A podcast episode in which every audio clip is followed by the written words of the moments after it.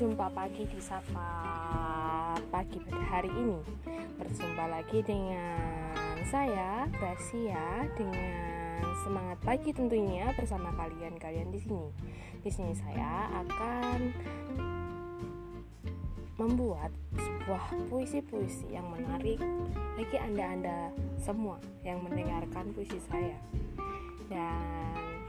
Semoga puisi saya ini menjadi semangat buat kalian semua untuk menjalani hari-hari, beraktivitas, bekerja, dan tentunya semangat puasanya dong.